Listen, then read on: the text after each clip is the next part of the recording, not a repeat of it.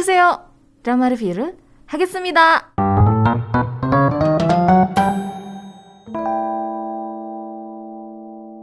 Oke, sekarang saatnya untuk aku nge-review drama My Demon atau dalam bahasa Korea itu My Demon. Ya.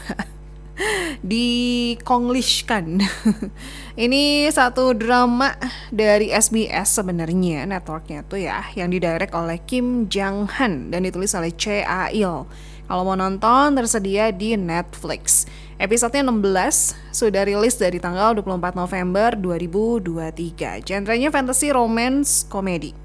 Jadi satu lagi drama yang dirilis oleh Netflix yang diadaptasi dari webtoon. By the way, webtoonnya sekali lagi bisa dibaca di aplikasi webtoon ya. Cuman episodenya tuh nggak gitu beda jauh sama dramanya gitu. Jadi kalau misalnya kamu berharap bisa dapetin bocoran endingnya kan seperti apa dari webtoonnya, nggak akan dapat.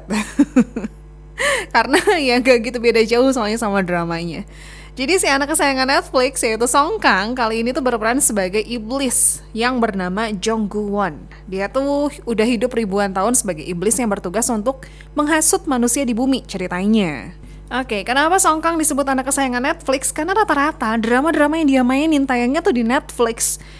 Um, aku nonton dia pertama kali dari Love Alarm. Ini tuh original Netflix ya tahun 2019 ada season 1 sama season 2 udah gitu oh, dia ada di Sweet Home. Terus dia ada di Novilera ini dari TVN tapi tersedia di Netflix. Terus ada Nevertheless ini juga dari JTBC tapi tersedia di Netflix. Udah gitu ada Forecasting Love and Weather. Ini juga kalau nggak salah di Netflix deh terus Sweet Home ya Sweet Home 1, 2, 3 kemudian My Demon ini atau My Demon ya terus sebelumnya dia udah main di The Liar and His Lover Terus ada Touch Your Heart juga dan lain-lain cukup banyak sih sebenarnya. Kalau untuk movie dia baru satu Beautiful Vampire. Ini aku nonton nggak ya? Kayaknya aku nggak nonton. Ini kalau nggak salah ada di Viu deh, Viu atau ICI gitu. Aku pernah lihat. Lupa antara dua itulah. ya jadi kenapa disebut anak kesayangannya Netflix? Karena memang drama-dramanya Song Kang kebanyakan tayangnya di Netflix. Oke, kita balik ke cerita dari My Demon. Jadi, Song Kang kan sekali lagi berperan sebagai iblis yang udah hidup ribuan tahun ceritanya. Dia punya tugas untuk menghasut manusia di bumi. Nah, si Jong Guan ini tuh biasanya cari manusia yang lagi super duper putus asa gitu, supaya mereka tuh mau bikin perjanjian sama dia. Jadi bisa dibilang manusia yang putus asa ini tuh karena udah mentok banget nih gitu saking putus asanya kayak bener-bener ngerasa udah gak ada jalan. Jadi rasa keputus asaannya itulah yang bikin mereka tuh pada akhirnya berharap uh, terus minta pertolongan juga ke iblis bukan ke Tuhan gitu. Um, ya.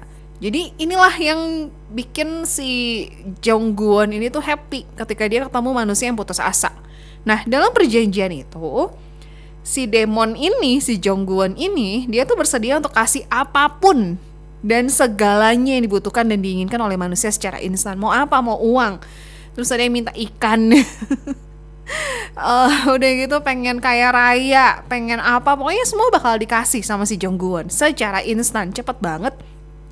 Tapi perlu diingat kalau ini tuh nggak gratis, nggak secara cuma-cuma. Jadi dalam jangka waktu tertentu, manusia yang udah bikin perjanjian itu ceritanya bakalan mati dan kemudian masuk neraka. Kalau misalnya di dramanya sih diceritain mereka nggak akan uh, reinkarnasi, jadi mereka langsung masuk ke neraka ceritanya gitu. Nah imbalannya buat si demon atau si jangguan ini tuh apa? Jadi uh, dia kalau berhasil bikin perjanjian dengan manusia, dia akan punya kekuatan yang luar biasa sekali. Dia bisa teleportasi, dia bisa uh, mindahin benda tanpa harus pegang benda itu maunya dia jadi super duper hebat banget lah ya dan dia awet muda terus dia panjang umur gitu kayak abadi lah hidupnya dia tuh nah sampai satu kali Jang ini terlibat konflik dengan Dodohi. Siapakah Dodohi ini? Dia adalah CEO dari Mire FNB. Dodohi adalah seorang perempuan muda yang cantik, yang sukses dalam karir, ya. Dia cemerlang banget tapi dia selalu gagal dalam percintaan ceritainnya. Bahkan dia tuh dikenal sebagai orang yang kasar yang angkuh yang cuek dan enggak manusiawi gitu. Tapi sebenarnya sikap dia yang bisa dibilang red flag ini tuh adalah bentuk defense mekanismenya dia. Jadi dia berusaha untuk melindungi dirinya sendiri dan dia juga menutupi fakta kalau dia tuh aslinya sebenarnya rapuh banget kita bahas dulu yuk kehidupan dia. Jadi kehidupan dia tuh sebenarnya nggak semulus yang orang kira gitu. Kalau sekarang orang-orang ngelihat Dodohi sebagai seorang uh, businesswoman yang sukses, sebenarnya masa kecilnya dia tuh sulit gitu. Waktu di usia 11 tahun, orang tuanya meninggal dalam sebuah kecelakaan dan yang bikin sedih adalah kecelakaan itu terjadi tepat di hari ulang tahunnya.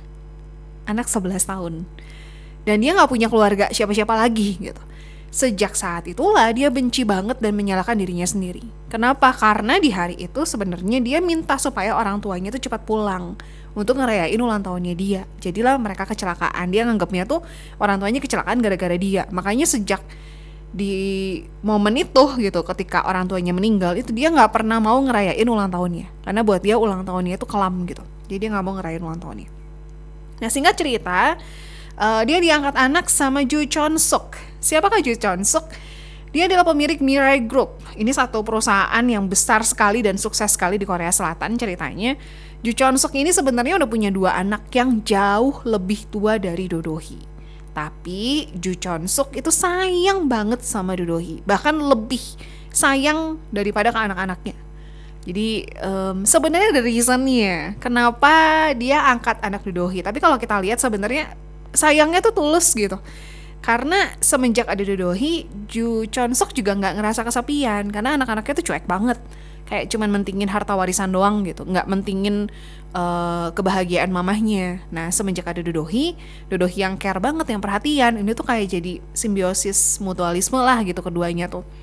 Dan mereka tuh walaupun suka berantem ya tapi itu lucu gitu lihat kolaborasi antara uh, ibu dan anak angkat ini tuh Terus uh, Ju Chong Ju Chon Suk ini tuh suka banget ngirimin chat ke Dodohi ya. Dia bilang uh, kayak say goodbye gitu loh. Selamat tinggal Dodohi, aku akan pergi untuk selamanya gitu.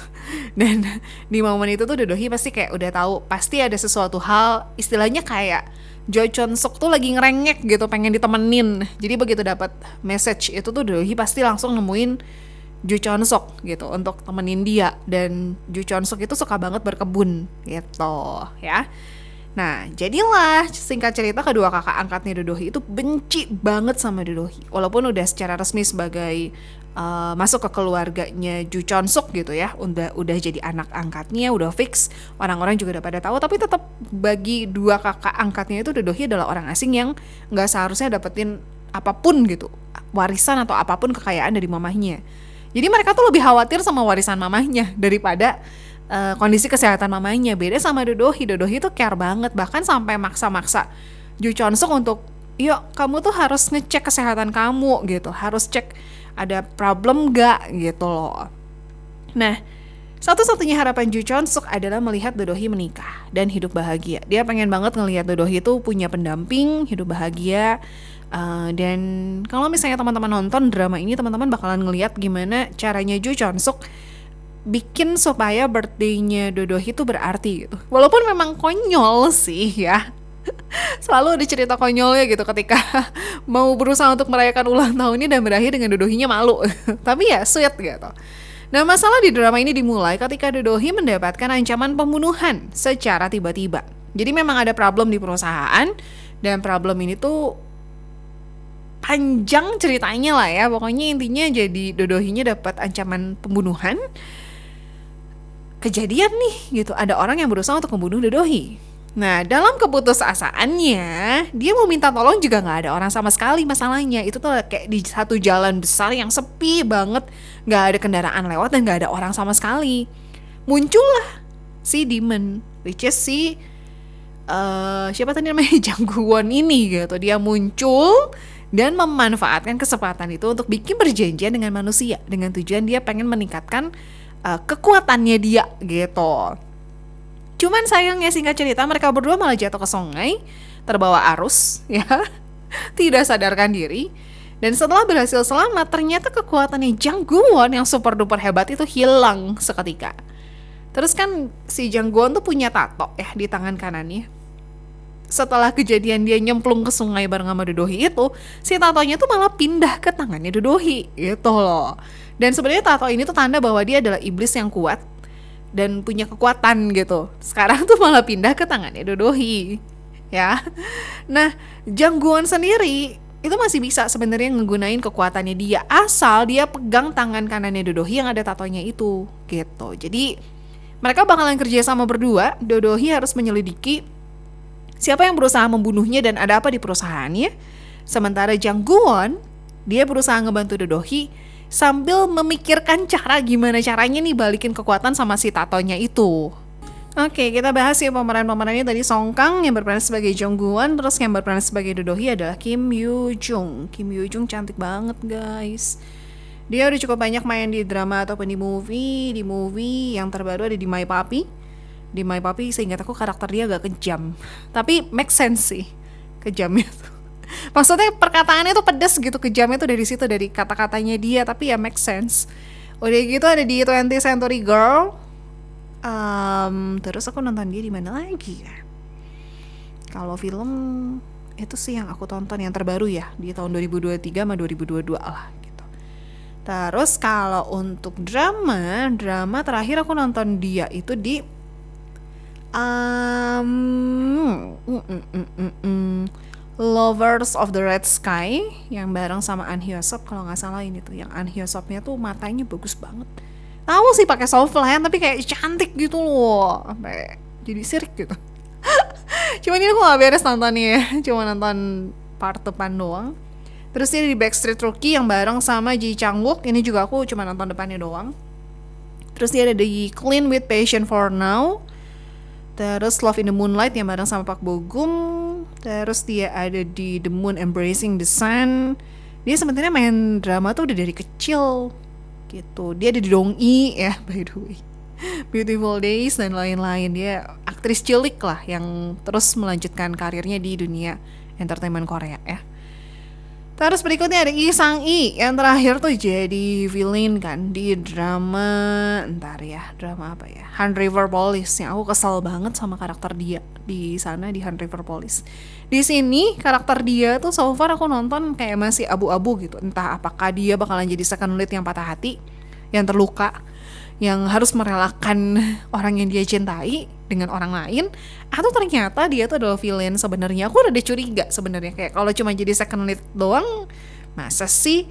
Dia ini berperan sebagai Ju Sok Hun ini tuh kayak ponakannya si Ju Chon Suk ya um, agak sedikit curiga karena dia terbilang kayak keponakan yang terabaikan tapi di salah satu episode anak pertamanya Ju Chon Suk itu sengaja manggil Ju Sok Hun untuk dikenalin ke uh, partner bisnisnya dia dibandingkan dia ngenalin ke anaknya. Kan agak aneh ya. Kok ngenalinnya bukan ke anaknya sih malah ke ponakannya kayak agak aneh aja gitu. Kayak ada something gitu. Mungkin karena aku nonton dia di Han River Police jadi villain ya jadi di sini tuh kayak masa sih dia cuman gitu doang? Dia terus main di Bloodhounds ini juga di Netflix. Seru tuh. Terus dia ada di Crash Course in Romance Yumi Cell Hometown Caca jadi second lead. Dan lain-lain ya cukup banyak. Cuman ya aku agak sedikit curiga sih sama karakter dia di drama My Demon ini ya Terus untuk si uh, Ju Chon Suk itu diperankan oleh nenek atau ibu segala drama karena kamu akan menemukan dia di drama-drama Korea dan banyak banget.